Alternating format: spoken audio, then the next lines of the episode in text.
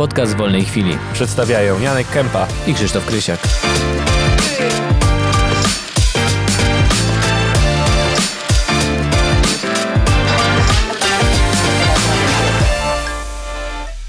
Zaczynamy. Witajcie w podcaście w wolnej chwili. Nazywam się Krzysztof Krysiak, ze mną jest Janek Kępa i nasz gość Małgorzata Herman. Matka chrzestna polskich rzemieślników, warszawskich, ale nie, już polskich chyba. Już trochę polskich. I promotorka rzemiosła. To się zgadza. Czy sama już rzemieślnik? Jeszcze nie. Ale coś próbowałaś? Wszyscy zadają mi to pytanie. Jeszcze nie wybrałam medium, w którym chciałabym pracować. Czyli nadal szukasz? Jeszcze, jeszcze yy, próbujesz? Czy nie wiem prostu... do końca, czy w ogóle zostanę rzemieślnikiem i jakoś nie mam ku temu wielkich aspiracji, ale jeżeli jakiś materiał by mi bardzo przypasował, to czemu nie? Yy, prowadzisz yy, portal Jak się zawiesił. Tak, przepraszam, ja przepraszam. Wylew, brawo. E, projekt pracownie. Dobrze, projekt, prowadzisz portal Projekt Pracownie i, i, i dla, na którym możemy znaleźć pracę rzemieślników z całej Polski. Stąd też znaleźliśmy ciebie i postanowiliśmy ciebie zaprosić, ponieważ no, zawody rzemieślnicze wiemy, że teraz są zapomniane i możemy chyba tak powiedzieć. I one na nowo odradzają się teraz w dzisiejszym świecie, prawda? Mm, myślę, że w ogóle tutaj trzeba by się było od razu zastanowić właśnie nad tą nomenklaturą, o której rozmawialiśmy jeszcze mhm. zanim zaczęliśmy nagrywać, bo rzeczywiście mówi się o tym, że są ginące zawody rzemieślnicze i myślę, że na pewno część z nich spotkał taki los. Natomiast pojawia się coś w rodzaju zjawiska nowego rzemiosła i wydaje mi się, że tutaj troszeczkę trzeba by było odejść od tych określeń, które były używane niegdyś i spróbować... Yy zdefiniować to wszystko trochę od nowa. Mhm. Bo teraz ten rzemieślnik jednak będzie kimś innym niż być może był kiedyś. I to jest taki temat, z którym my się mierzymy od trzech lat, jak projekt pracownie istnieje. A to może cofnijmy się jeszcze krok do tyłu, bo projekt pracownie.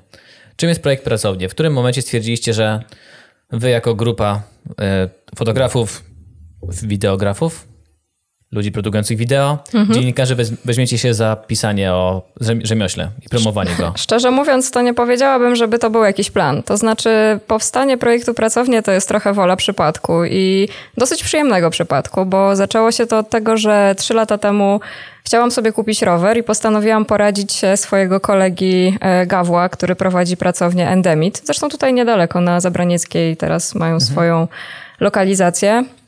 I chciałam do niego przyjechać i porozmawiać z nim, jaki ten rower powinnam sobie kupić. Nawet nie miałam takiego planu, że zamówię ten rower u niego, bo on po prostu robi rowery na zamówienie, ale chciałam sobie z nim pokonsultować różne kwestie. On wtedy urzędował przy Podskarbińskiej, tam było takie zagłębie. Oczywiście jak jechałam tam, to nie wiedziałam o tym jeszcze y, w tamtej chwili. No i kiedy do niego trafiłam, zaczęliśmy sobie rozmawiać i on gdzieś tam przy okazji powiedział mi, że tutaj to w ogóle jest nie tylko on, tylko jest jeszcze cała masa ludzi w naszym wieku, która zajmuje się właśnie takim ręcznym wytwarzaniem, że są tutaj stolarze, ceramicy, więc ja tak w parę sekund zapomniałam w ogóle o tym rowerze i o tym, że chciałam ten rower tam w ogóle jakoś konsultować. Chciałam, żeby pokazał mi tą przestrzeń. I bardzo długo spacerowaliśmy po tym obiekcie, jeszcze nie wchodząc bezpośrednio do tych pracowni. Mhm. Ale już wszystko to, co powiedział mi Gaweł, tak bardzo mnie zainteresowało, że chciałam dowiedzieć się więcej. No i zaledwie kilka dni później wróciłam tam z powrotem i już zaczęłam poznawać osoby, które tam na tym terenie działały.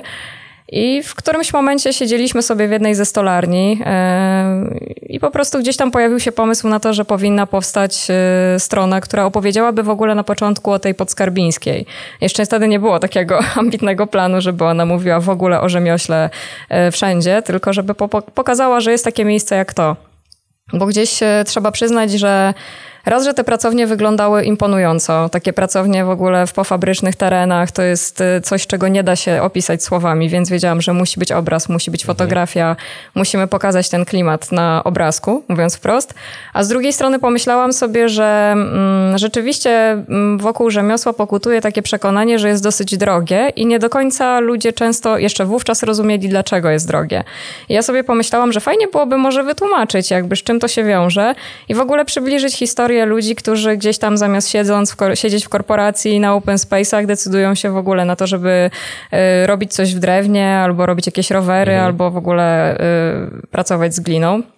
I tak naprawdę wtedy to się pojawiło w jakiejś takiej pierwszej, e, pierwszej formie. E, i zaczęliśmy to robić. Po prostu za założyłam tą stronę, obdzwoniłam kilka znajomych fotografów, jeszcze wtedy kilka innych osób było w to zaangażowanych i stwierdziliśmy, spróbujmy. Zaczniemy od tej podskarbińskiej, pochodzimy po tych pracowniach, zobaczymy w ogóle, czy, czy to jest fajne, jak to wygląda i, i opowiemy po prostu, że oni tam są. Czy ta podskarbińska była tak, taka duża, że no, szczerze mówiąc nie znam tam tych terenów, ale czy to było tak, że nie wiem, to była jakaś hala magazynowa, czy Wiesz co, tam było kilka, kilka pofabrycznych y, budynków i tam po prostu byli rozsiani ci mhm. rzemieślnicy. Oni nawet nie byli w jednym jakimś e, miejscu, tylko mhm. po prostu na całym tym terenie I, i, I, było ich tam sporo i ja nawet nie miałam do końca świadomości, jak wielu ich tam jest. A bardzo podobało mi się to, że to były po prostu też młode osoby, że, że to nie, nie, nie było gdzieś tam takie zamknięte mhm. środowisko, tylko wręcz przeciwnie.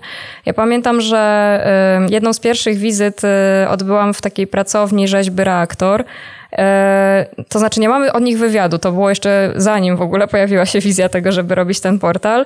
I pamiętam, że my praktycznie całą noc siedzieliśmy i rozmawialiśmy o tych rzeczach. I okazało się, że to jest po prostu fascynujące. I że ja osobiście wtedy zdałam sobie sprawę z tego, jak ja mało wiem o tym, jak rzeczy powstają. I, i że jednak warto byłoby wiedzieć, jak one powstają mhm. i z jakich materiałów, jaki jest ten cały proces.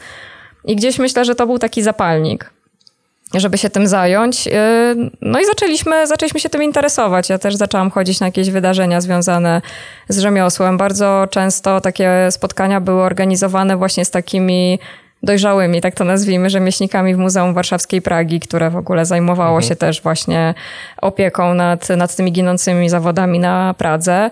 E, I zaczęłam się tego uczyć. I jak zaczęłam się tego uczyć, zaczęłam chodzić po tych pracowniach, to po prostu zaczęli odzywać się do nas ludzie i pytać, ej, bo wiemy, że coś takiego robicie, Super. wpadnijcie do nas. Więc to w ogóle wyjściowo nie, nie miało być na taką mhm. skalę, na jaką jest. Ale ruszyliście od razu z tą stroną, którą macie, tak? I z tym samym pomysłem podobnym. E, wiesz co, tak, od początku chodziło o to, żeby chodzić po tych pracowniach i prowadzić wywiady, żeby po prostu pytać tych ludzi, jak to się robi, dlaczego to robią, dlaczego ich to fascynuje, jaki mają na siebie pomysł, czy w ogóle już później tak naprawdę pojawił się ten wątek, gdzie jest w tym wszystkim y, ta tradycja rzemieślnicza, jak oni się do tego ustawiają. Natomiast to wszystko była taka nauka u mnie od podstaw, absolutnie, bo y, wcześniej nie, nie miałam żadnej styczności tak naprawdę z takim ręcznym wytwórstwem, więc tego wszystkiego uczyłam się bardzo od początku.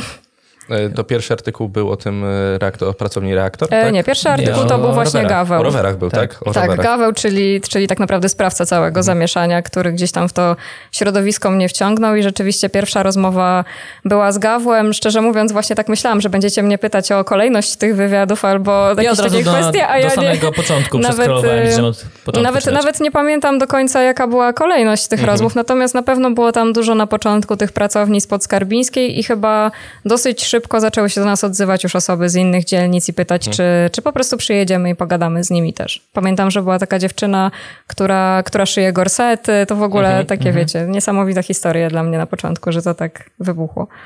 Te gorsety, bo właśnie ja od razu mam taki odruch, że o kimś szukam czegoś, to idę do początku tego, co robił i czytam od tamtej strony. Mhm. I te gorsety to jest fascynująca rzecz. W sensie, Dodałam się w to ubrać nawet. Myślałam, że umrę. Stra... Znaczy nie dziwnie, inaczej jest strasznie w gorsecie. Tak, nie to widziałem prawda. zdjęcia mężczyzny w gorsecie. Ja widziałem ostatnio. Tak a propos gorsetu. Kompletnym przypadkiem widziałem męskie gorsety. Była gdzieś oferta. Ale takie pod ubranie się. chowane, czy... Tak, tak, tak, pod marynarkę, żebyś tak, już lepiej teraz, wyglądał. Pod znaczy teraz, myślę, że to zawsze był jakiś standard, tylko po prostu się o tym nie mówiło. Ja w ogóle mam wrażenie, że odkąd robię ten, e, ten projekt, zauważam dużo więcej rzeczy niż zauważałam wcześniej, właśnie przez to, że znam trochę ich genezę i, i zaczynam się bardziej zastanawiać nad tym, jakoś odbieram je tak bardziej intensywnie. E, powiedz mi, czy w końcu kupiłaś ten rower? E, kupiłam rower, ale nie zamówiłam go u tylko faktycznie nabyłam jakiś rower, który po prostu mi akurat odpowiadał, więc ta historia w ogóle nie, nie kończy się jakoś romantycznie. Nie ma tutaj pięknego finału rzemieślniczego roweru, który kupiłam, ale, ale myślę, że stało się dużo innych fajnych rzeczy po mhm. drodze, więc jakby nie ubolewam nad tym najmocniej. Nie wiem jak Gaweł. Waszym celem było po prostu zebranie informacji, pokazanie tego światu, czy też mieliście takie, że pomożemy promować, pokazać, gdzie to jest. Wiesz co, chcieliśmy pokazać, gdzie to jest. Natomiast ja myślę, że to, co w projekcie y, jest taką główną rzeczą, to to, że na niego nie było trochę planu. To znaczy ja osobiście nie miałam żadnej, wiecie, żadnego biznesplanu, że teraz zakładam portal, za rok on będzie taki, za dwa lata taki, a w ogóle po drodze to jeszcze mam trzy tabelki w Excelu, co się z tym wydarzy, tylko to po prostu tak zaczęło płynąć. Ja się strasznie wkręciłam w to. W ogóle już właściwie nie wyobrażałam sobie na początku tygodnia bez siedzenia w jakiejkolwiek pracowni pracowni i myślę, że byłam w ogóle taka dosyć mocno nadpobudliwa i chciałam tych pracowni odwiedzać jak najwięcej. Wychodziłam z jednej, już chciałam iść do następnej e, i narzuciłam trochę może nawet taki bardzo intensywny czas na początku dla całego zespołu, ale wydawało mi się, że po prostu tak trzeba, że trzeba o tym mówić już natychmiast, bo czułam w sobie taką energię do tego, żeby, żeby to robić i, i wydaje mi się, że potem wszyscy się po prostu tym zarazili. Zresztą pod Skarbińską trzeba było dość szybko, bo to już nie istnieje. Tak, to już nie istnieje. Niestety wszyscy otrzymali tam e, wypowiedzenia i musieli się stamtąd wyprowadzić. Teraz jest tam budowane osiedle mieszkaniowe.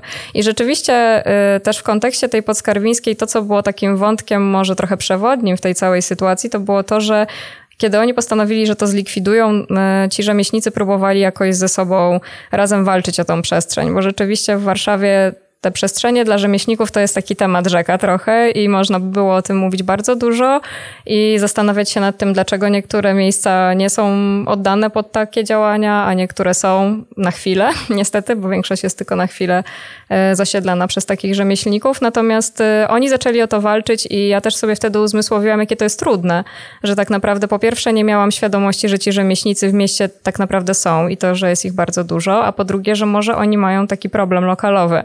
I to też już jakby był kolejny wątek moich zainteresowań, w który sobie gdzieś tam weszłam i zaczęłam e, zaczęłam bardziej, e, bardziej jakby zastanawiać się, co można by było z tym zrobić. Więc mhm. można też powiedzieć, że, że, że gdzieś ta motywacja tego, że ta podskarbińska wtedy już znikała, pokazała, że, że coś się przecież z tymi ludźmi stanie dalej. Oni gdzieś będą musieli swoją działalność kontynuować i przyglądaliśmy się temu wszystkiemu.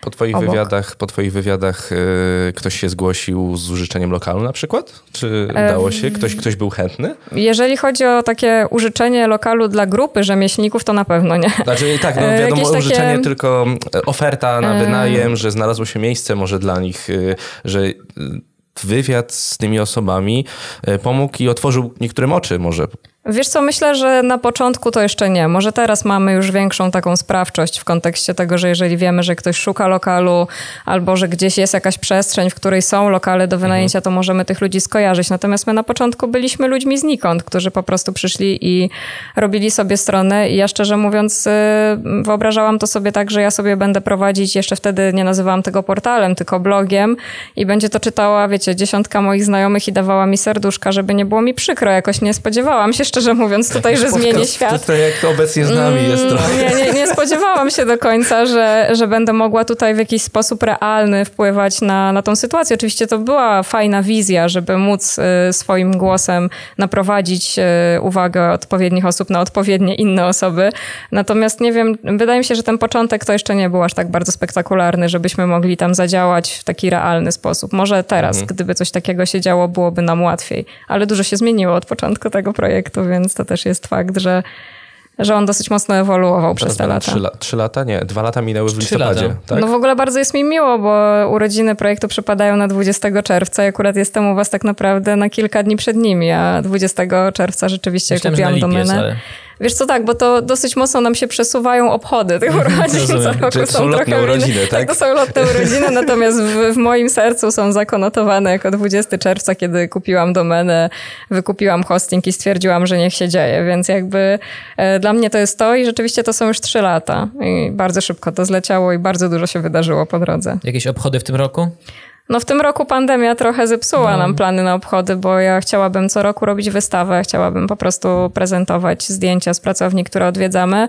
No natomiast teraz jakby ciężko było w ogóle cokolwiek zaplanować, więc w tym roku y, będziemy raczej w kameralnym gronie obchodzić te urodziny i myślę, że w przyszłym roku po prostu zajmiemy się już organizacją wystawy w takiej formie, o jakiej myśleliśmy w tym roku. A ile osób jest zaangażowane w projekt? To też właśnie myślałam o tym rano, kiedy do was jechałam. To jest dosyć płynne, natomiast jest na pewno taki trzon tego zespołu. To jest e, na pewno y, prymus fotograficzny Radek Zawadzki, który jest ze mną praktycznie na, co, no, praktycznie na wszystkich wywiadach albo na większości tych wywiadów. No i poza nim jest myślę, że jeszcze piątka, szóstka fotografów, którzy właśnie tak rotują. Fotografów, osób, które robią wideo, które gdzieś tam są blisko tego projektu. Natomiast mi jest to ciężko w ogóle tak liczbowo podawać, bo w ten projekt zaangażowałem zainteresowani są moi przyjaciele, którzy też jak widzą, że jak gdzieś tam zakopuje się e, w zaległościach związanych z tym projektem, po prostu biegną mi na pomoc i pomagają coś przetranskrybować, sprawdzają mi jakieś rzeczy, szczytują je po mnie, czy gdzieś tam nie ma jakichś błędów, więc jest, jest bardzo duża taka rzesza osób, które mi pomagają. Jest Piotrek, który wspiera mnie pod kątem takim technicznym strony, bo przypuszczam, że rozsypałabym ją po tygodniu, więc tam jest po prostu dużo osób, które mi pomagają tak, e, tak codziennie przy tym, bo gdzieś tam wspierają samą tą ideę. Ile, ile czasu poza pracą ci to zajmuje? Bo pracujesz normalnie, jak tak, każdy to człowiek. Prawda. Chociaż bardzo dużo osób ostatnio myślało, że to jest moja praca. I ostatnio tłumaczyłam mm, w trakcie kilku rozmów, że to nie jest moja praca, że to jest moje zajęcie po godzinach. Wiesz co, to jest trochę tak, że jak lubisz to, co robisz, to chyba nie mierzysz tego tymczasem. To znaczy, ja nie czuję, że ten projekt zabiera mi każdą wolną chwilę, albo że w sobotę, albo w niedzielę poświęcam mu 6 albo 7 godzin. Po prostu to płynie. Jakby jest w moim życiu, stało się jego częścią i na pewno mocno mnie to angażuje i, i, nie jestem w stanie się już od tego tak całkowicie odłączyć, natomiast sam projekt jest dla mnie czymś takim bardzo płynnym i naturalnym, że, że przy czymś tam sobie siedzę. Mogę ci powiedzieć, ile zajmuje transkrypcja wywiadu albo praca nad samym wywiadem, natomiast to jest coś, co jest całkiem obok i, i, i też jakby dzieje się oczywiście, ale jest tylko jedną z części projektowych. Myślę, że łatwiej byłoby powiedzieć, ile zajmuje praca przy nowiu, no ale to jest jakby trochę inna rzecz i, i to, to jest... zaraz zapytamy. Tak, dokładnie tak, że to jest bardziej, to jest takie bardziej pracowe niż ten... A nie miałaś przez ten okres prawie trzech lat takiej chwili, yy, że nie chciałaś już tego robić? Miałaś przestać na przykład? Na początku były takie momenty, kiedy wydawało mi się, że wzięłam sobie za dużo na głowę, bo mhm. byłam trochę taka rozerwana między tym, że ja lubię swoją pracę zawodową, e, ten projekt bardzo mocno mnie wciągał i nie potrafiłam znaleźć trochę złotego środka, jak zajmować się jednym i drugim, i jednak czasami jeszcze spać. Natomiast wydaje mi się, że też te lata pracy w projekcie i łączenia tego z pracą zawodową nauczyły mnie już trochę łapać mhm. taki E, taką odpowiednią równowagę między jednym i drugim. I rzeczywiście był taki newralgiczny moment, kiedy wydawało mi się, że, że to się nie uda, że jakoś nie dam rady tego wszystkiego spinać, ale akurat wtedy miałam taką rozmowę e, i spotkałam takiego mm, artysta na swojej drodze, który jakoś tak mi uzmysłowił, że nie warto się przejmować, trzeba iść dalej mhm. i, i to mnie tak zasiliło na kolejne lata, jak sądzę. No super, super. W sumie e, wiele osób właśnie, kiedy napotyka jakieś, jakieś przeszkody, często wiesz, odpuszcza, nie? Tak, tak, tak. Wiesz co, ja tak myślę, że jest. fajnie jest y, do takich projektów podchodzić w taki sposób y, pozbawiony trochę oczekiwań. To znaczy myślę, że dużo ciężej jest realizować jakikolwiek projekt, który wychodzi z twojej pasji, kiedy zaczynasz na siebie narzucać to, że właśnie musisz coś osiągnąć do takiej i takiej daty, mhm. albo dajesz sobie na coś tyle i tyle tygodni. Ja może na początku rzeczywiście tak trochę do tego podchodziłam, ale potem to puściłam. Pomyślałam sobie, że to pójdzie swoją drogą i to, co ma przyjść, przyjdzie do nas w odpowiednim momencie i to też sprawiło, że poczułam się dużo lepiej i przestałam się tym wszystkim jakoś tak e, nakręcać i po prostu dałam temu tak płynąć, tak jak płynie teraz. Mhm, mhm. Jesteś zadowolona z wyników teraz? Jestem zaskoczona wynikami, to znaczy, oczywiście wiecie, my nigdy nie będziemy Mm, stroną o jakichś wielkich zasięgach, ale to też nigdy myślę, że nawet to by nie było jakimś takim naszym celem, żeby tutaj nie wiadomo do jak, szerokiej, do jak szerokiego grona docierać. Myślę, że fajne jest to, że czujemy się częścią tej społeczności rzemieślniczej, że nie czujemy, że jesteśmy taką e, że nie czujemy się jak taki oderwany od nich byt, tylko że rzeczywiście funkcjonujemy w tym im codziennych życiu, że to, że wchodzimy do pracowni na wywiad jest tak naprawdę często dopiero początkiem E, naszej znajomości z danym rzemieślnikiem i ten wywiad jest dopiero takim wstępem do tego, co dzieje się później i do innych projektów, które razem, razem e, realizujemy. E, jestem, jestem zadowolona z tego, jak jest teraz. W sensie oczywiście mam jakieś tam swoje małe marzenia w głowie, ale, ale gdzieś tutaj nie śpieszę się z nimi. Myślę, że jeżeli to ma do nas przyjść, to przyjdzie. Ale na stronę wchodzi kilka, kilka tysięcy osób, kilkanaście, kilkadziesiąt. Wiesz co, my w ogóle nie, yy, Boże, będę bardzo często mówić, wiesz co, yy, ogólnie nie prowadzę jakichś wielkich statystyk związanych hmm. z tą mhm. stroną, bo ona działa raczej w takim systemie, że kiedy pojawia się jakiś wywiad, to w ogóle promujemy to, co tam hmm. się na niej dzieje. My nie prowadzimy żadnej kampanii, która ma zachęcać ludzi do poznania projektu, gdzieś tam nie zajmujemy się taką jego promocją yy, codzienną, bo też na niego nie ma środków. Ten projekt nie jest no finansowany przez nikogo poza nami. Ma Patronite'a. Ma Patronite, tak. Zachęcamy do, do, do wpłat na Patronite, bo tam zbieramy na to, żeby wyjeżdżać do innych miast między innymi. Ale generalnie jakoś nie, nie zaangażowaliśmy tutaj całych sił w e, prowadzenie kampanii, więc kiedy pojawia się tekst, to rzeczywiście e, chcemy go wypromować, chcemy opowiedzieć tą historię, chcemy, żeby dotarła jak najszerzej, ale to są jedyne nasze działania, które mają jakoś promować e, ten projekt poza taką codziennością, w której jesteśmy. No, takie jedyne wyglądają zawsze świetnie. Filmiki, zdjęcia, promocja. Dziękuję też w imieniu fotografów, którzy nie chcieli dzisiaj ze mną tutaj przyjść i których oczywiście bardzo serdecznie pozdrawiam. No, zdjęcia są... E, Indywidualnie będziemy ich męczyć. Tak. Dam wam listę. Ale zdjęcia są bardzo ładne, są, są, są cudowne, naprawdę. Bardzo ładnie obrazują całą tą otoczkę. Ja myślę, że to też jest związane z tym, że fotografowie, którzy działają ze mną w projekcie, mają bardzo podobną wrażliwość estetyczną do mnie i też szczerze mówiąc, my się naprawdę w to wkręciliśmy, w sensie mhm. czujemy ten temat. Po prostu, po prostu czujemy ten temat i też podoba nam się to i to nie jest tak, że jak gdzieś tam, wiecie, ciągnę tego biednego fotografa, który po prostu boi się, że gdzieś tam drzazga mu wejdzie w rękę do jakiejś pracowni stolarskiej i on jest przerażony. Zakurzy mi się obiekty.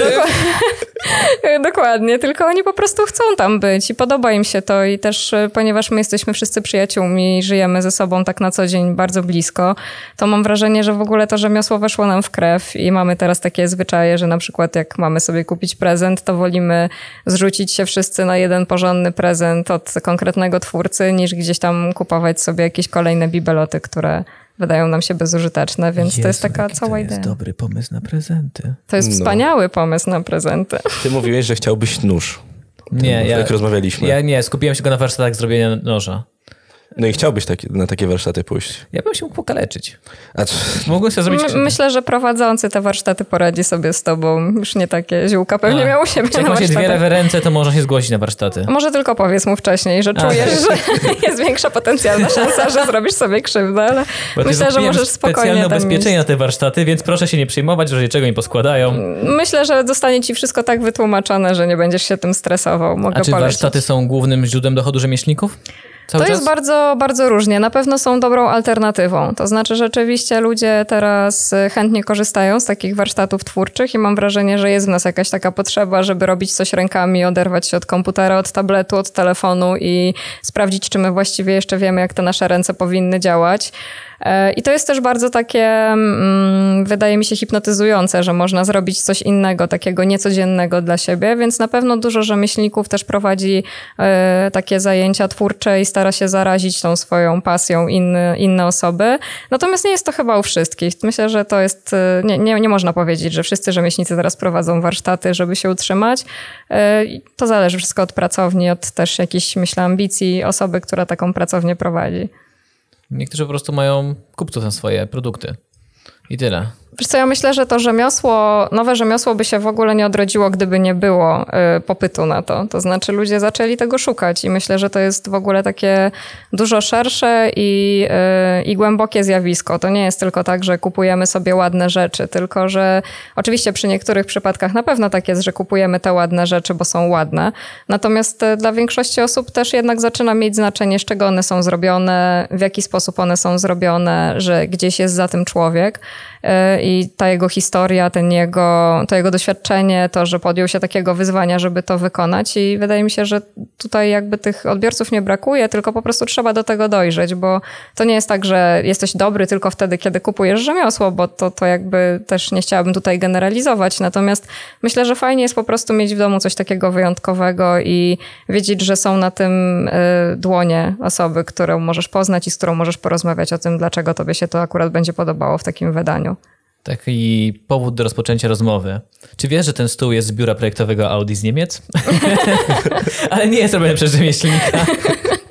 Słuchaj, no ja, ja zawsze też to powtarzam, że jakby oczywiście to jest bardzo fajne, jeżeli ludzie zaczynają się tym zjawiskiem interesować, jeżeli zaczynają sięgać po takie produkty, natomiast mamy też świadomość tego, że one nie są najtańsze i że to nie mhm. jest też tak, że nagle obudzisz się rano, dojdziesz do wniosku, że teraz będziesz wspierał rzemieślników i wyrzucisz wszystko, co masz teraz w mieszkaniu mhm. i nabędziesz y, tylko i wyłącznie przedmioty od rzemieślników, bo myślę, że to po prostu byłaby bardzo droga inwestycja i raczej nie do, niemożliwa do zrealizowania w jeden dzień. Natomiast ważne jest to, żeby gdzieś takimi małymi krokami po prostu zwracać swoją uwagę mhm. ku takim rzeczom, wiesz, sprawdzać, co jest napisane na metce, zamiast kupić sobie 50 kubek, który się niczym nie wyróżnia, pójść do pracowni ceramicznej, czy, czy zainwestować w pasek, który zrobił kaletnik, a nie gdzieś tam, który jest stworzony nie wiadomo z czego i wisi e, w jakimś sklepie sieciowym i tak naprawdę niby jest skórzany, ale tak naprawdę to nikt nie wie, z czego on jest, a jego cena wcale nie jest aż tak bardzo niska i, i gdzieś tam nie opłaca się do końca w to zainwestować. Poza tym te rzeczy są trwalsze.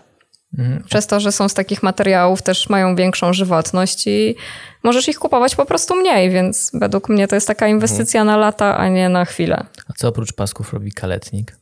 Na przykład portfele, Czyli na przykład skóry, torby, tak. Dodatki. Jest osoba, która pracuje w skórze. Myślę, że też właśnie można się zaskoczyć, jak wiele rzeczy potrafi zrobić taka osoba. To są, wiesz, różne pokrowce na różne przedmioty, nawet na notesy. Ostatnio widziałam y, takie pokrowce ze skóry, także tutaj jest duże, du, duże spektrum możliwości. Ja mam jedno z pytań takie kontrowersyjne. Czy wydaje ci się, że na, że na bo nie wiem, bo się zastanawiam kiedyś, czy naprawdę potrzebujemy rzemieślników, skoro wszyscy tak kupują rzeczy sieciówki tańsze? Czy ludzie na to stać? Bo czasem mam takie wrażenie, że slow fashion, o którym mówią wszyscy, to jest taki trochę trochę opowiem, bo to jest modne. Później się okazuje, że Jessica M kupuje z Chin te koszulki, w dupie ma to wszystko. Mm, wiesz co, no myślę, że to jest, y, to jest właśnie takie, taka umiejętność podejścia do tego już indywidualnie. To znaczy, to zależy, co jest dla ciebie ważne. Jeżeli dla ciebie to nie ma znaczenia, to nie ma sensu tutaj cię ewangelizować i wmawiać ci na siłę, że powinieneś zainwestować w kubek, który jest trochę droższy niż ten, który kupisz sobie w sklepie sieciowym.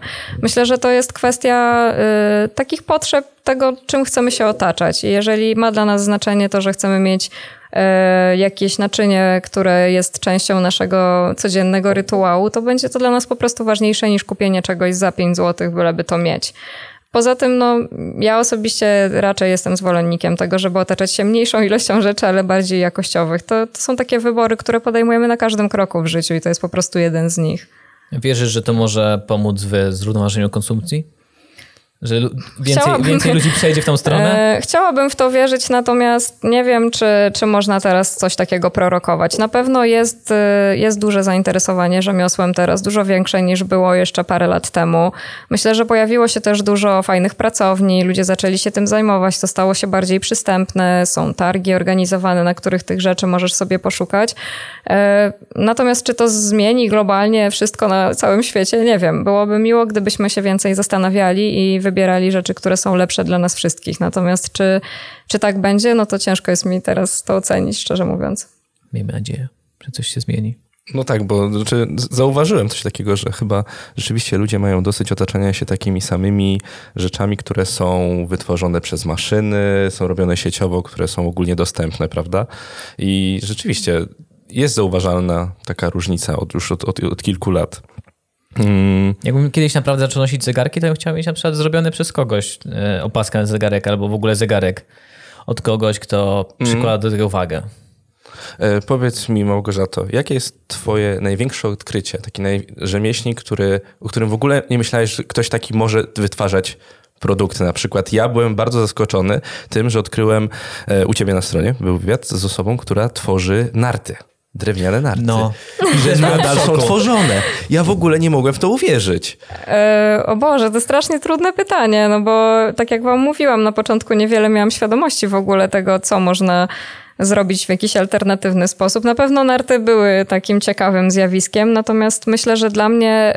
Y, Największym zaskoczeniem od samego początku był jednak wywiad y, z Przemkiem, który robi lampy w tykwie. I może nie dlatego, że robienie lampy w tykwie mhm. budziło we mnie jakieś ogromne zaskoczenie, że można coś takiego zrobić. Natomiast sam fakt procesu, który towarzyszy stworzeniu tej lampy, y, był dla mnie jakiś taki absolutnie po, poza moją percepcją, że można nad czymś pracować pół roku i że można to robić narzędziami protetycznymi i gdzieś tam y, dziergać. Oczywiście mówię teraz mhm. trochę w taki kolokwialny sposób taką lampę, więc myślę, że to było dla mnie zaskoczenie. Natomiast, e, że można coś, teraz już mam wrażenie, że wszystko można zrobić e, e, alternatywnie i że, że absolutnie ogranicza nas tylko własna wyobraźnia i kompetencje i to, jak bardzo jesteśmy w stanie wejść w jakiś materiał żeby nauczyć się go obrabiać i wykonać w nim konkretną rzecz. Mhm.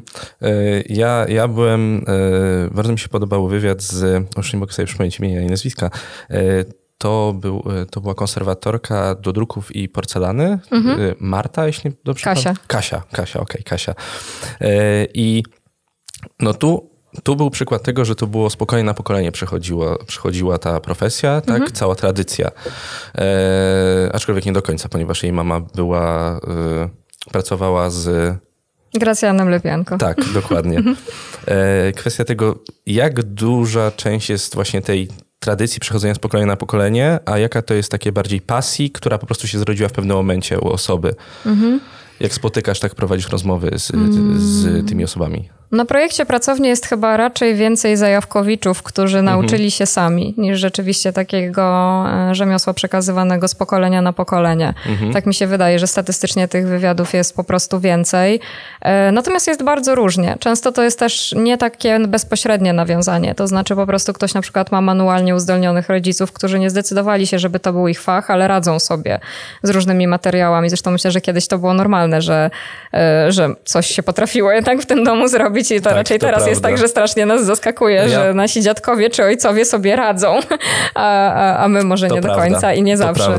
Um, więc myślę, że u nas, u nas na pewno jest więcej tych zajawkowiczów i to właśnie takich osób, które gdzieś tam podpatrzyły, że można coś zrobić, zaczęły to robić i zaczęły w ten temat wchodzić coraz głębiej, e, uczyć się często z YouTube'a, jak coś robić i dopiero wtedy oni na przykład szukają jakichś osób, które mogłyby się z nimi tą wiedzą podzielić. No właśnie mówisz, podpatrzyły, czyli głównie YouTube na przykład, czy e, tak jak był u nas Rafał Dąbrowiecki, który jest licencjonowanym przewodnikiem po Warszawie, mhm. no to on chodzi do różnych antykwariatów, bibliotek, szuka rzeczy, szuka książek, w których są zapisane jakieś stare historie, e, historie przedwojennej Warszawy. E, tak samo, nie wiem, te osoby nie, nie szukają takich nie wiem, przewodników, nie wiem, jakie mistrzów. takie... Mistrzów. Mistrzów, właśnie. E Myślę, że ta sama jakby geneza, czemu się tym zajmują, jest bardzo różna. Wspomniałeś o nartach, które tak. są na naszej stronie. No tam tak naprawdę y, wyjściową do tego, że Szymon zaczął się tym zajmować, było to, że po prostu denerwowało go to, że narty, na których jeździł, nie spełniały jego założeń, więc zaczął je rozkładać na kawałki i zastanawiać się, jak zrobić je lepiej. Więc e, tutaj to była taka, powiedziałabym, może bez tego całego, bez tej całej otoczki szukania wielkiego mistrza, bardziej taka ciekawość tego, czy jestem w stanie zrobić dla siebie coś, co będzie dla mnie mhm. bardziej zadowalające. Natomiast e, pojawia się gdzieś tam później e, rzeczywiście taka potrzeba, żeby te swoje umiejętności podszkolić, ale nie u wszystkich ona jest związana z poszukiwaniem mistrza mistrza. To jest też w ogóle bardzo długi temat i moglibyśmy tu pewnie zrobić o tym serię oddzielnych podcastów, jak wygląda szukanie mistrza w, dzisiejszym, w dzisiejszych czasach, jak e, ci dawni rzemieślnicy odnoszą się do tych młodych rzemieślników, co ci młodzi chcieliby od nich czerpać, a co mogliby czerpać ci starsi, żeby na przykład utrzymać swoje pracownie albo trochę bardziej je wypromować w obecnych realiach, więc tutaj nie zawsze to jest tak, że szukają, ale na pewno starają się doskonalić swoje umiejętności i się rozwijać. Mhm, mhm. Tak, Krzysztof. Potrzebujesz, a, tak, dobrze. Tak, no to przejdźmy teraz do stowarzyszenia NUF. Tak. Nowe rzemiosło. NUF, nowe Dobrze mówię? Tak, NUF, nowe rzemiosło.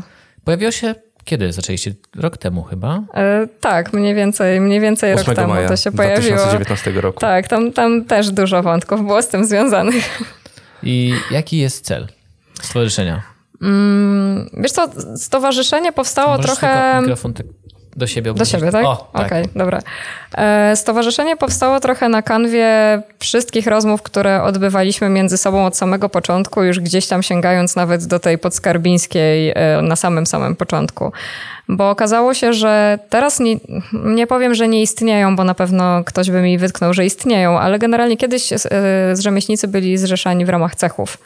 I to było jakby, to był wybór rzemieślnika, czy do takiego cechu będzie przynależał, za tym niosły, za tym szły jakieś konkretne przywileje, czy no każdy tam pewnie różnie by to skomentował, jakie to były przywileje. Natomiast teraz czegoś takiego fizycznie dla tych nowych rzemieślników nie ma, bo to, co warto jest teraz też zauważyć, to to, że trochę nie ma teraz za bardzo kogoś, kto wystawiłby ci papier, że jesteś rzemieślnikiem. To jest bardzo trudne i oczywiście zdarzają się jeszcze gdzieś w Polsce egzaminy czeladnicze czy mistrzowskie, ale samo zgromadzenie komisji na taki egzamin jest naprawdę bardzo trudne, bo może jakby taką, taką e, komisję może stworzyć też tylko konkretne grono rzemieślników, którzy mają gdzieś tam przepracowaną odpowiednią liczbę lat i sami mają odpowiednie tytuły.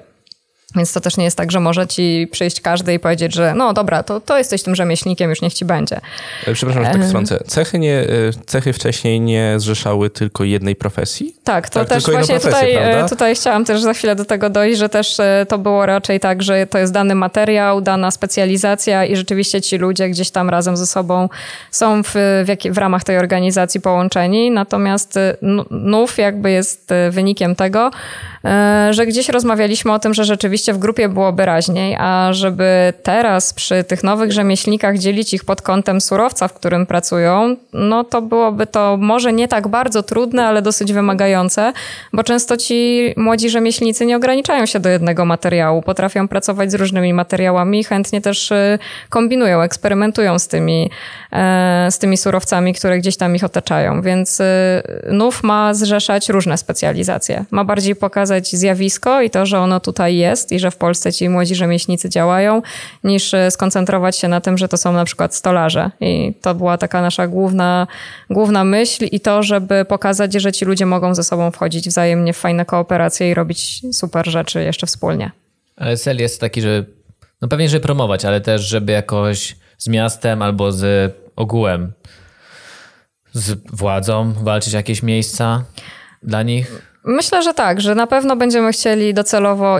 Jakby teraz jesteśmy, teraz jesteśmy już e, prawnie jakąś grupą, która może rzeczywiście takie dyskusje podejmować. Wcześniej byliśmy gdzieś tam, każdy z nas był, e, każdy z nas, każdy z nich tak naprawdę, no bo tak jak mówiłam, ja nie jestem rzemieślnikiem, ale to były pojedyncze pracownie, którym na pewno było ciężej. Teraz jesteśmy grupą, teraz możemy wspólnie e, wspólnie brać udział w różnych projektach i rzeczywiście ubiegać się o różne, o różne jakieś tutaj benefity związane z tym, co jesteśmy w stanie dać miastu i też e, tym, że gdzieś tam jesteśmy częścią kultury na pewno, każdego miasta, w którym rzemieślnicy funkcjonują. Czy potrzebne było takie stowarzyszenie?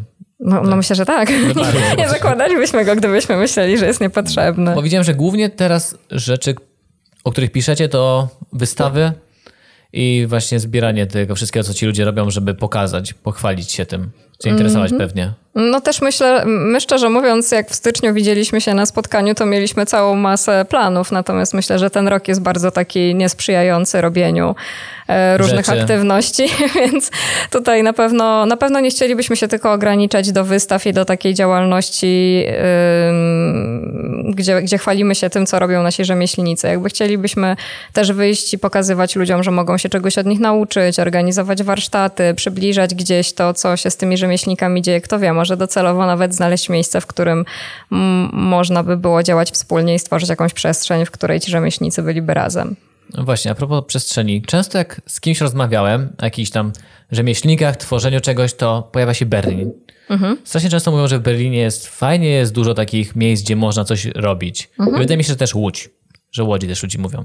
Co mnie nie dziwi, bo Łódź to tak Chciałem nie obrażać dzisiaj Łodzi rzecz w jednym podcaście, a tam nic nie ma, więc rzemieślnicy mogą Cała być. Cała geneza polega na tym, że Krzysiek pojechał niedawno, raz do temu, Łodzi. raz do Łodzi pojechał w swoim życiu. Mhm. Jeden, jeden i już wie, że nie wróci tam, oczywiście. Mo, Jest tam Ej. bardzo fajna pracownia tkacka. Tartaruga się nazywa. Naprawdę myślę, że gdybyś tam pojechał, to poczułbyś się oczarowany. Ja musiałbym i... pojechać właśnie konkretnie tam, a nie no tak Bo ty byłeś tylko na Piotrkowskiej, dlatego. Straszne tak. miejsce.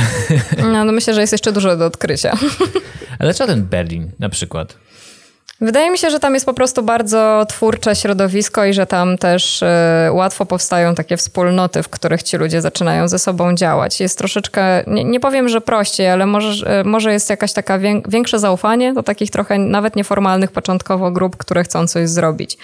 E, u nas raczej nikt nie da ci po prostu jakiejś przestrzeni i nie zaufa ci, że sam sobie ją zorganizujesz w odpowiedni sposób. U nas często jednak stara się jakoś tym zamoderować od samego początku i być może nie ma w tym nic złego, bo może fajnie od samego początku zaplanować coś tak jak trzeba, ale ja myślę, że czasami taka oddolna inicjatywa szybciej stanie samodzielnie na nogi i sobie poradzi z jakimiś przeciwnościami losu niż e, przewidywanie wszystkich możliwości, które są w stanie się wysypać po drodze.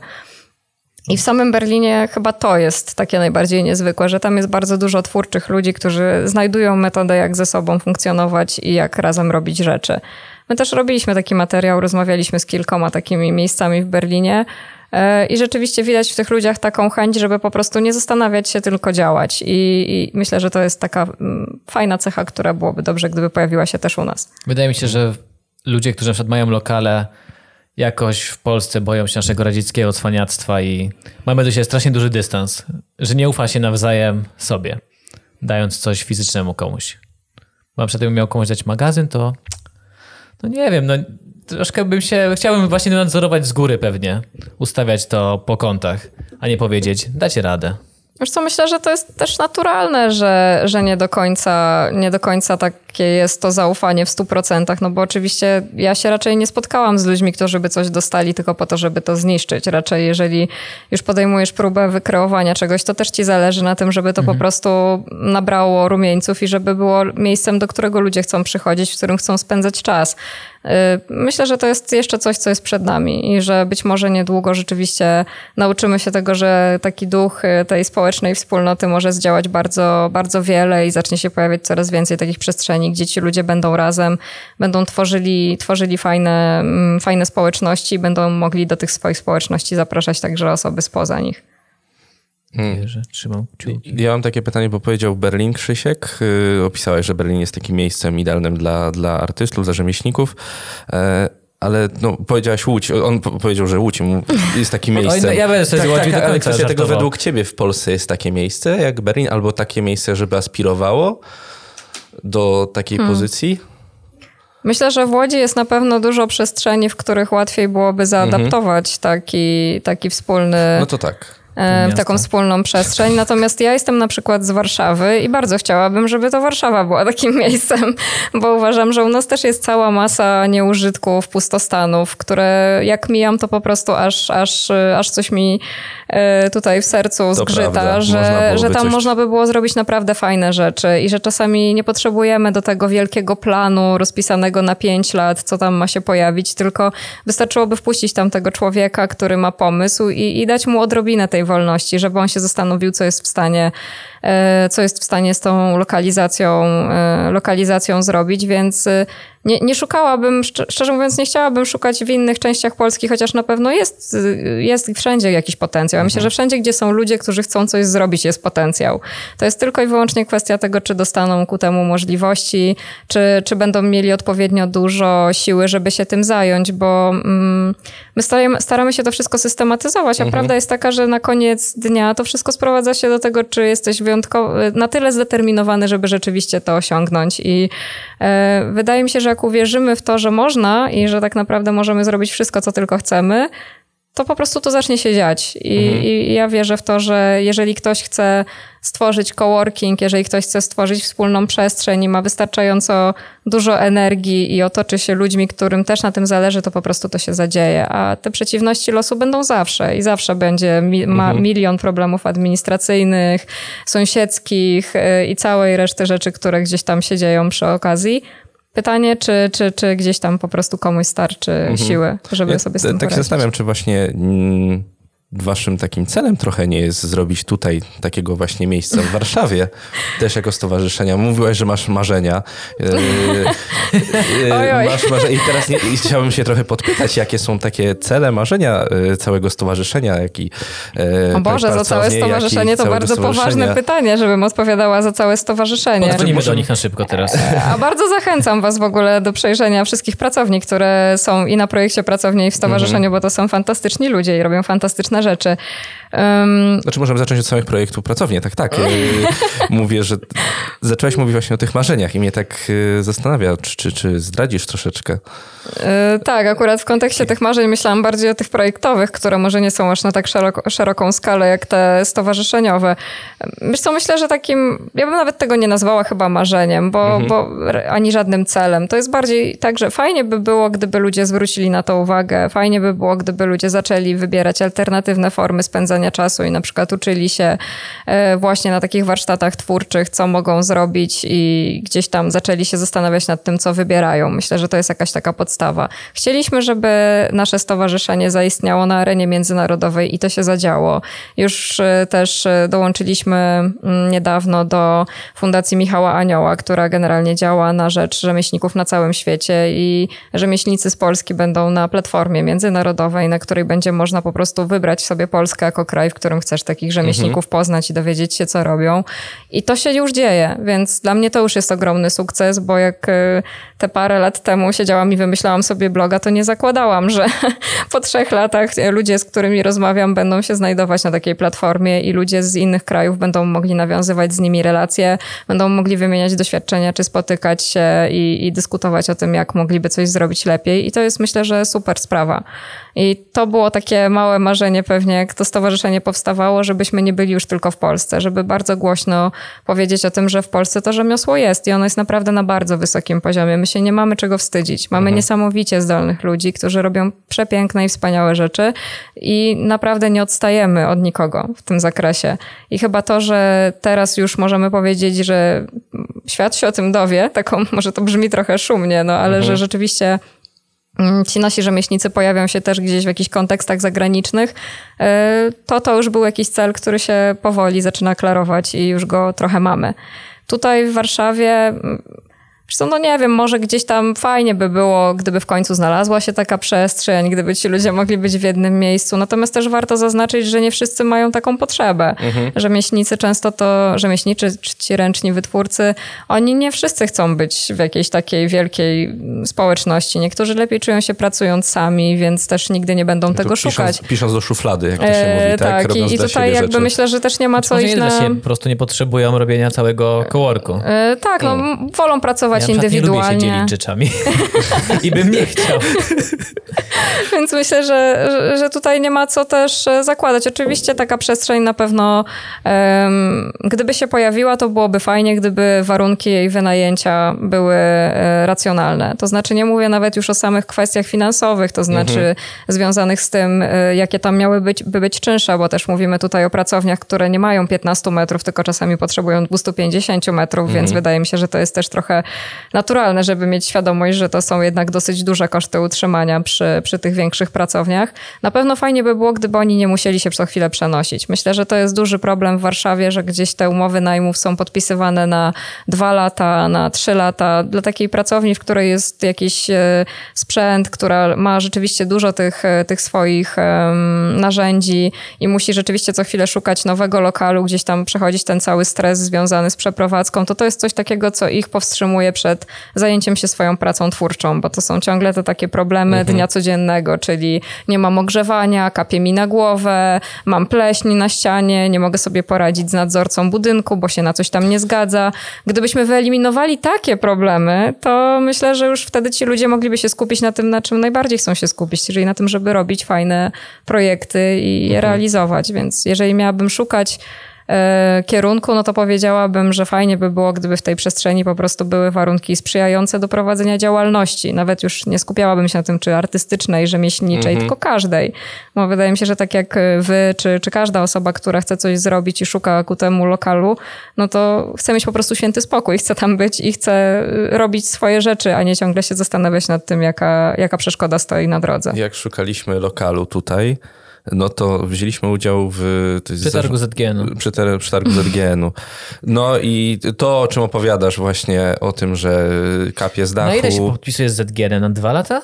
Chyba Zależy od ZGN-u i od tego, jaki to jest lokal. Tam było Dużo zmiennych. jak Chyba patrzyliśmy. Nawet.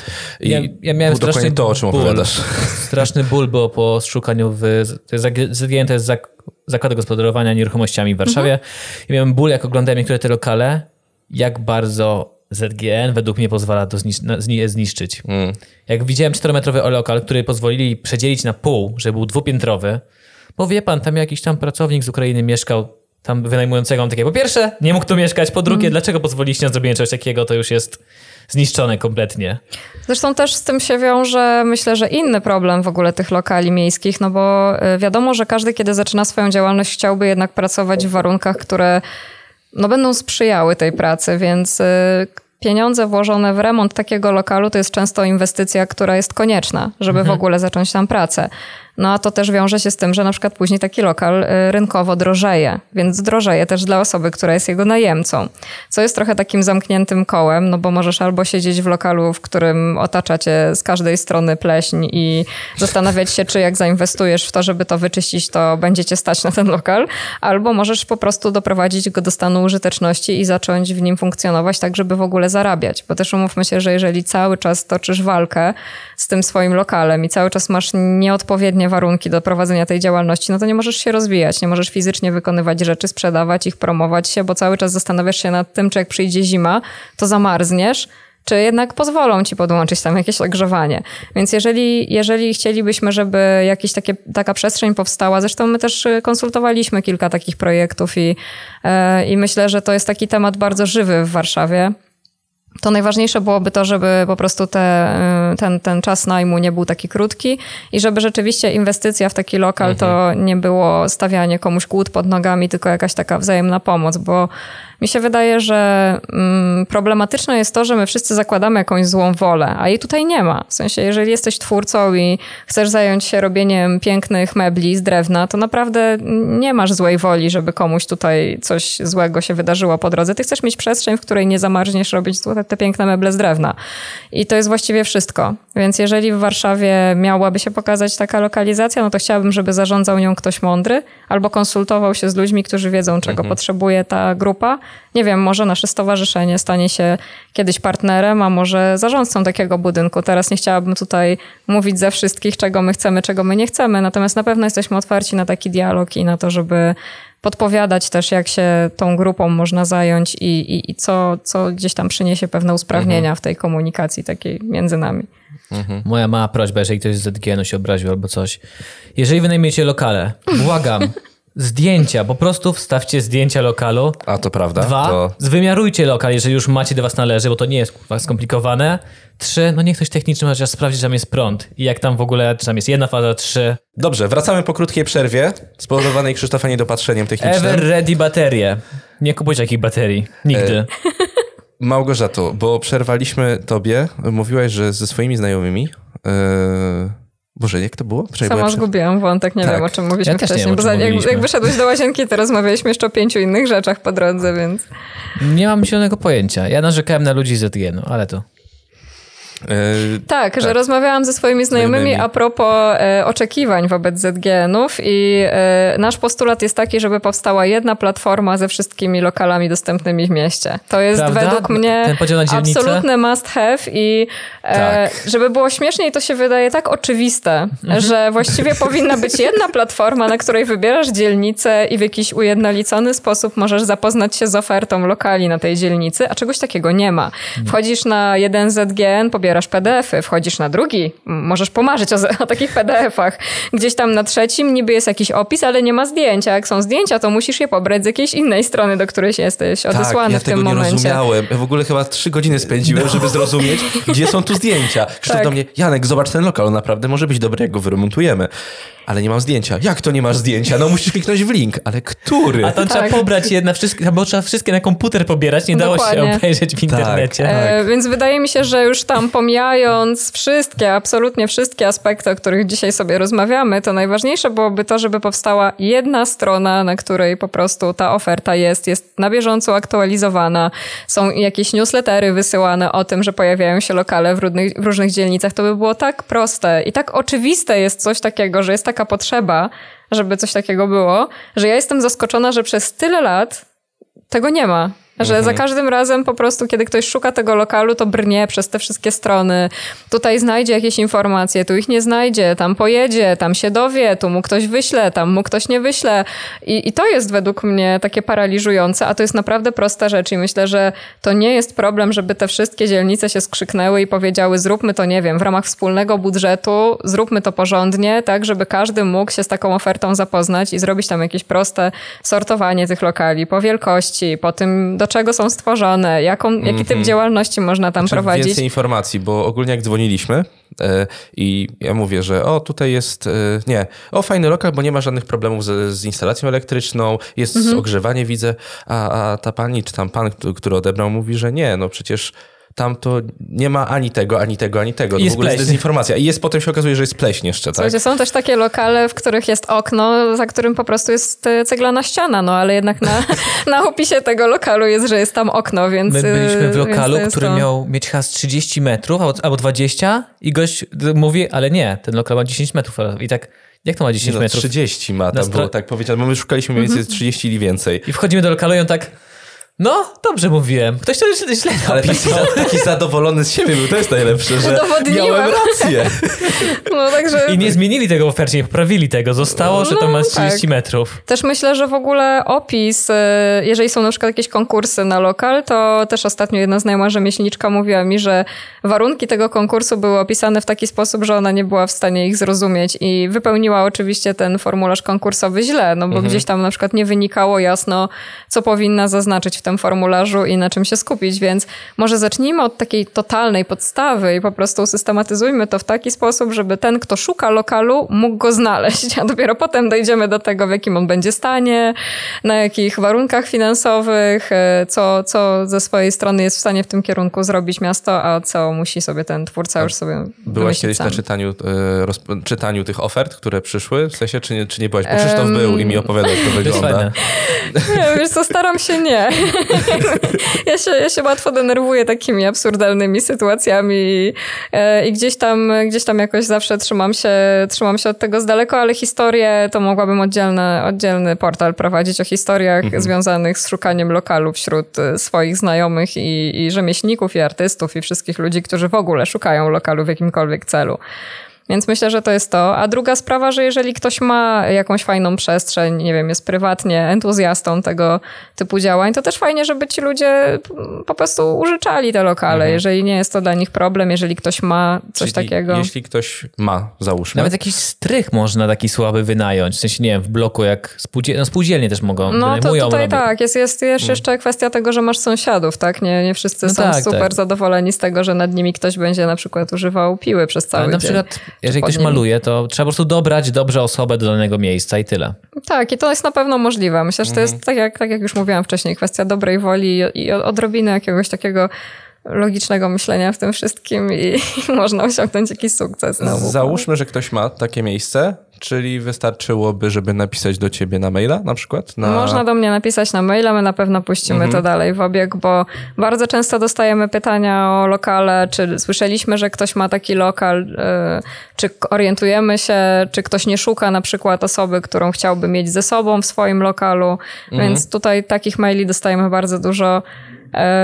Uśmiecham się, bo dostajemy też takie, w których ludzie pytają nas na przykład, czy prowadzimy jakieś warsztaty, albo czy można u nas zamówić stół, co jest jakby już takie notoryczne dosyć mocno. Ale, mm, ale rzeczywiście te lokalowe rzeczy pojawiają się często i jak możemy, to staramy się to dystrybuować jak najszybciej do jak najszerszej grupy, żeby ci ludzie jakoś się ze sobą skojarzyli nawzajem. Mm-hmm, mm-hmm. To jakby ktoś znał lokal od 30 do 60 metrów, płatny 30 zł za metr max, gdzie można doprowadzić internet, suchy, podcast w wolnej chwili jest bardzo cichy, i szuka. To piście po prostu. Czy jesteśmy tacy cisi? Hmm. Janek, dobrze, jest... się, dobrze się trzeba sprzedać. Dobrze, jest, jesteśmy cisi. To prawda, internet, internet tutaj... Yy... No, potrzebujemy internetu. Potrzebujemy. Wiaderka internetu dziennie. Wiader, wiaderko. Yy, opowiedz mi, nam, tobie nie, yy, no dobra, opowiedz tak. nam o Nocy Rzemiosła. Noc Rzemiosła? Tak, to będzie druga tak. edycja w tym roku. O, to już zaczynamy ogłoszenia parafialne. Druga, a, to, taki mały, tak. to brzmi jak horror trochę, od rzemiosła. No, a, a Noc Muzeów nie budzi w tobie takiej grozy? No nie, bo to była raczej komedia. Właśnie no, to, rzemiosła. To, to mnie zastanawia, czy to jest na wzór trochę Nocy Muzeów? Czy da się zrobić czarkę z człowieka? Noc Rzemiosła 2.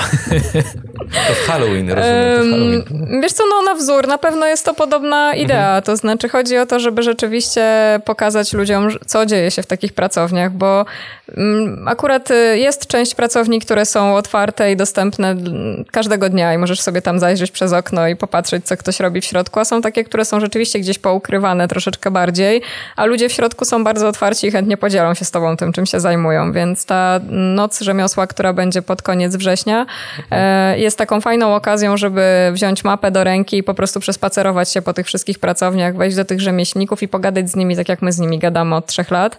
My to robimy we współpracy ze Stowarzyszeniem z siedzibą w Warszawie. Oni są jakby głównym organizatorem tego. My jako NUF Nowe Rzemiosło, jako projekt pracowni jesteśmy takimi partnerami tej akcji mhm. już drugi rok z rzędu. No i ja bardzo zachęcam, bo do 15 czerwca jeszcze można zgłaszać pracownię, więc jeżeli słuchają nas jacyś rzemieślnicy, którzy chcieliby po prostu wpuścić e, do siebie trochę odwiedzających i sobie poopowiadać o tym, co robią, to jak najbardziej zachęcamy. Do końca 15 czerwca, tak? Do końca dnia. E, do 15 czerwca Dobrze, jest to nabór. będą mieli czas. Jak, jak to, tak. Którego będzie? E, my 14, tak? Za tydzień A, okay. więc A, będą okay. mieli dwa dni, dwa dni. No dobra, jeden dzień, dobrze. Ponad dzień. Także jeszcze można się zgłaszać, no i później mam nadzieję, że, że jakieś tam obostrzenia nie, nie wpłyną na to, że to się nie będzie mogło odbyć i że już mhm. teraz to wszystko zostanie no zrealizowane do końca. Od, od dzisiaj, tak? Czy od wczoraj? Więc tak.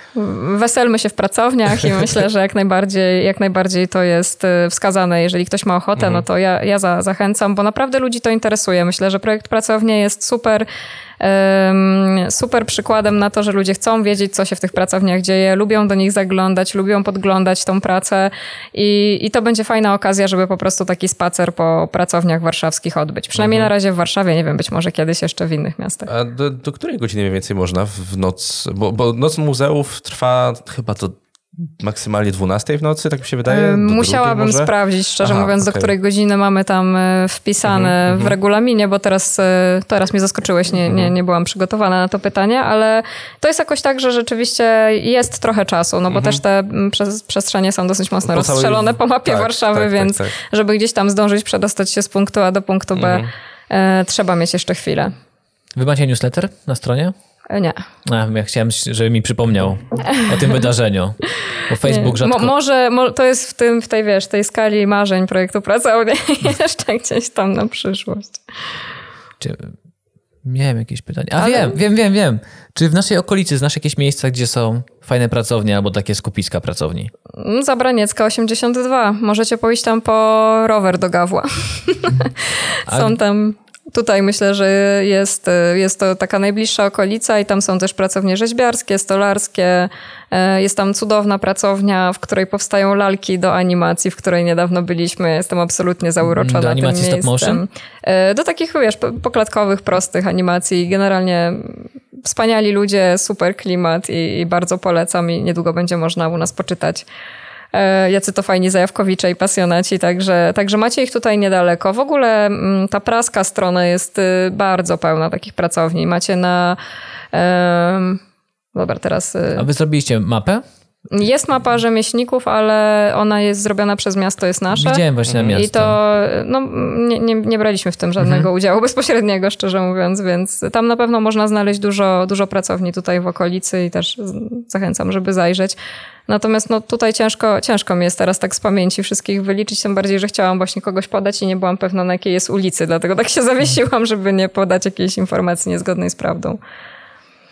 E, ja widziałem, że e, zamiast mapy to też podajecie, jest cała rozpiska, jaki rzemieślnik jest na jakiej w dzielnicy, na jakiej ulicy, prawda? Coś takiego mhm. też widziałem. Tak. To też e, pomocne, szczerze mówiąc.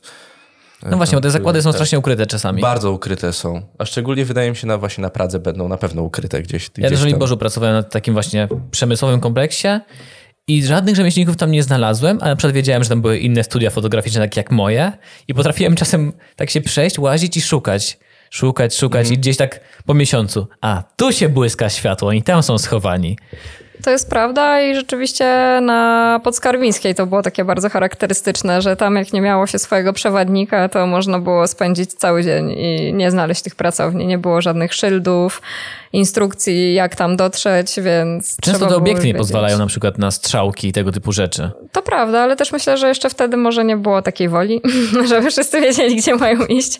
Teraz, jak są jakieś takie inicjatywy, kiedy rzeczywiście te pracownie się otwierają, no to na pewno łatwiej z jakąś nawigacją sobie poradzić, no bo to jest trochę tak, jak ja dzisiaj szukałam was tutaj, tak? Gdzieś tam zaniosło mnie y, zupełnie inny, inny rejon, ale, mm, ale myślę, że tak, że jak się chce znaleźć taką pracownię, to są już teraz i strony w internecie i zawsze można zapytać. My zresztą też często odpowiadamy na maile, gdzie są jakieś pracownie, bo ludzie piszą do nas, że szukają szewca, szukają właśnie kaletnika, że chcieliby dotrzeć do jakiejś pracowni, no i my wtedy po prostu robimy taki szybki research i odsyłamy informacje, że wiemy, że tu, tu i tam ktoś taki jest i można do niego, e, do niego się wybrać. Okej. Okay. E, to moje ostatnie pytanie jest, może dosyć, e, może być zabawne, może niezabawne, nie, niepoważne. Ile śpi ślimak? nie, nie, nie, nie, nie. Dokąd nocą tutaj jest? Standardowe pytanie. Mhm. Moje pytanie, jak mówiłaś o pracowni reaktor, tak? Dobrze mhm. pamiętam? Nasz poprzedni gość mówił o fabryce zabawek, która była przed wojną, nazywała się Gnom. To jest w mhm. ogóle super nazwa dla fabryki zabawek dla dzieci. I kwestia nazwy takich pracowni. Taka najzabawniejsza, jaka, jaką znalazłaś? Która tutaj przychodzi do głowy? Ojej, nie, chyba nie, nie znam takiej, którą nazwałabym mianem zabawnej. raczej, ra, raczej nie. Raczej jakichś takich zabawnych i bardzo przaśnych nazw y, nie spotkałam chyba na swojej drodze, albo na mnie nie wywołały takiej reakcji. Bo reaktor, czy na przykład było związane z tym, że to było w okolicach jakiegoś reaktora na przykład, czy w świerku? W świerku, po prostu tak. mieli magazyn obok, no Janek. E, dobre pytanie, nie mam pojęcia. Wiesz, jakby y, nie, chyba nie, nie powiedziałabym, że, że są jakieś, że jakieś śmieszne nazwy nazwy to chyba, mm -hmm, chyba, mm -hmm. chyba nie znam żadnej takiej, okay, która by okay. mi przyszła teraz do głowy, że, że podśmiewam się gdzieś tam pod nosem, jak sobie Bo zawsze tak się zastanawialiśmy na przykład, jak, jak szukaliśmy lokalu w ZGN-ie, widzieliśmy na rondzie wiatraczna i bardzo poważnie myśleliśmy o tym lokalu i już była pierwsza rzecz, to nazwa była jakie tutaj nazwiemy to studio. Drutex.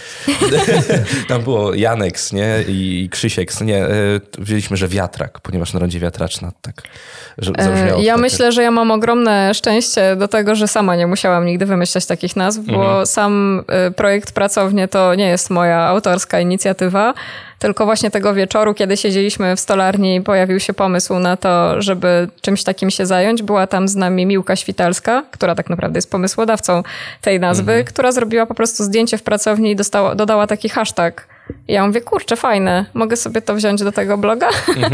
I ona mówi, no dobra, jakby, no to działajcie z tym. I, I, nawet nie musiałam się zastanawiać nad tym, jak to nazwać, a nazwa stowarzyszenia przyśniła się jednej z rzemieślniczek, więc też mieliśmy to z głowy. E, I, I, gdzieś tam nie musiałam nigdy tego wymyślać. Myślę, że to jest bardzo trudna sztuka i cieszę się, że mnie ominęła. Natomiast, y, no tak, także nie, nie znam, nie, nie umiem ci powiedzieć Czyli takiej. Tak podsumowując całą, całą historię, jeszcze, że projekt Pracownie to jest bardzo spontaniczna inicjatywa, która rozrosła się i wspiera wszystkich rzemieślników w całej Polsce obecnie, mm. można powiedzieć, tak? Tak, i myślę, że jej największą mocą są ludzie. Zarówno mm. ci, którzy są w środku tego projektu, jak i ci, do których my docieramy, bo ja mam takie poczucie, że rzeczywiście buduje się wokół tego jakaś taka mała społeczność i, i to jest dla mnie ogromne, ogromne szczęście i chciałabym, żeby ludzie czuli się częścią tego projektu, bez względu na to, czy robią w nim zdjęcia, czy są osobami, które zaprosiły nas na wywiad, czy przyjęły nas na taki wywiad, czy po prostu są czytelnikami. Bardzo chciałabym, żebyśmy byli taką wspólną grupą ludzi, którzy po prostu wierzą w to samo i się wspierają nawzajem. Jak tak będzie, no to już jest mhm. super. E, Krzysztof, czy masz jakieś jeszcze Już pytania? nie mam pytań. E, to w takim razie powiedz, gdzie możemy Ciebie znaleźć w internecie?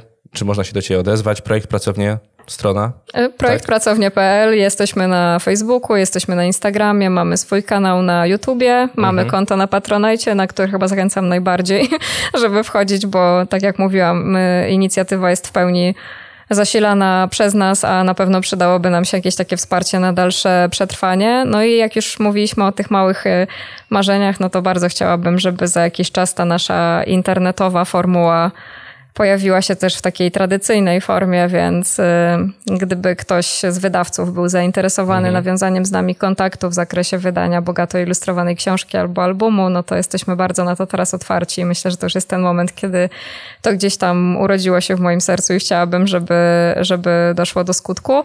Mm, także na pewno tam y, Nów Nowe Rzemiosło podobnie funkcjonuje również y, pod adresem nównowerzemiosło.pl i na Facebooku i na Instagramie a mnie można tak naprawdę spotkać wszędzie, gdzie z rzemiosłem dzieje się cokolwiek, więc jak Wszędzie ktoś będziesz. będzie miał okazję, to tak, myślę, że na większości wydarzeń staram się być, staram się być na bieżąco, no i my bardzo zapraszamy do takiego kontaktu. My byśmy chcieli, żeby ta społeczność, która gdzieś tam dookoła nas jest, też była zaangażowana, nie bała się pytać, yy, włączała się w to, co my robimy. Ja cały czas zachęcam, że jeżeli ktoś chce zrobić zdjęcia z nami, jeżeli ktoś ma ochotę w ogóle pójść z nami na taki wywiad, dowiedzieć się czegoś więcej, to jak najbardziej jesteśmy na to otwarci i chętnie przyjmiemy jakiegoś nowego frika. Jak będziecie chcieli nagrać wy, ten wywiad z kimś, to wszystko jest. Dobrze wiedzieć. Może powinniśmy, bo teraz te podcasty są takie, takie na czasie, więc może my po prostu jesteśmy gdzieś jeszcze za daleko w tyle z tam tradycyjnymi Ja wywiadami. nie wiem, czy one są teraz na czasie, czy już były na czasie. Tak, to Mi już się wydaje, że... ciężko jest powiedzieć. No ta tradycyjna forma wywiadów, e, ja, ja się tak uśmiecham, bo pracuję w agencji reklamowej, gdzie pisanie tekstów jest jakby e, również jakąś częścią naszej pracy i e, rzeczywiście tam wiem, jakie powinnam spełniać założenia, żeby tekst w internecie dobrze się pozycjonował i był odpowiedniej długości. Myślę, że w projekcie pracownie nie przestrzegam absolutnie żadnego, żadnej z tych zasad. Zresztą jak przeglądaliście wywiady, to widzieliście, że to jest no, kawałek tekstu do przeczytania zawsze, więc... Ale tak będzie, to się nie zmieni. Nie, to jest taki tekst na 10-15 minut To, to dosyć długi, jak na internet. do przeczytania. Ja zawsze czytałem blogi, które miały długie teksty. A, no to widzisz, jesteś lepiej przygotowany. Przygotowany. E, Dobrze, to kończąc jeszcze zapraszamy rzemieślników e, do zgłaszania się na noc rzemiosła. Zgadza się. Tak? Macie jeden dzień, od kiedy wyszedł ten podcast, więc macie bardzo dużo czasu. E, I co jeszcze? I zapraszamy też do wzięcia udziału w Nocy Rzemiosła. A gdybyście nie zdążyli na ten jeden dzień, to napiszcie na projekt pracownia, jakoś sobie z tym poradzimy. Jakoś się dogadamy. Do września jeszcze dużo czasu, dacie radę. Dokładnie. Z naszej strony jeszcze chcielibyśmy zaprosić do podcastu Kopiej w klej, który teraz będzie w innych godzinach, we wtorki i w i w piątki o piątki. godzinie 17. Dziękujemy Tobie Małgorzato, że Ja przyszłaś. również wam bardzo dziękuję za zaproszenie. To był podcast w wolnej chwili. I życzę Dziękujemy miłego bardzo. dnia.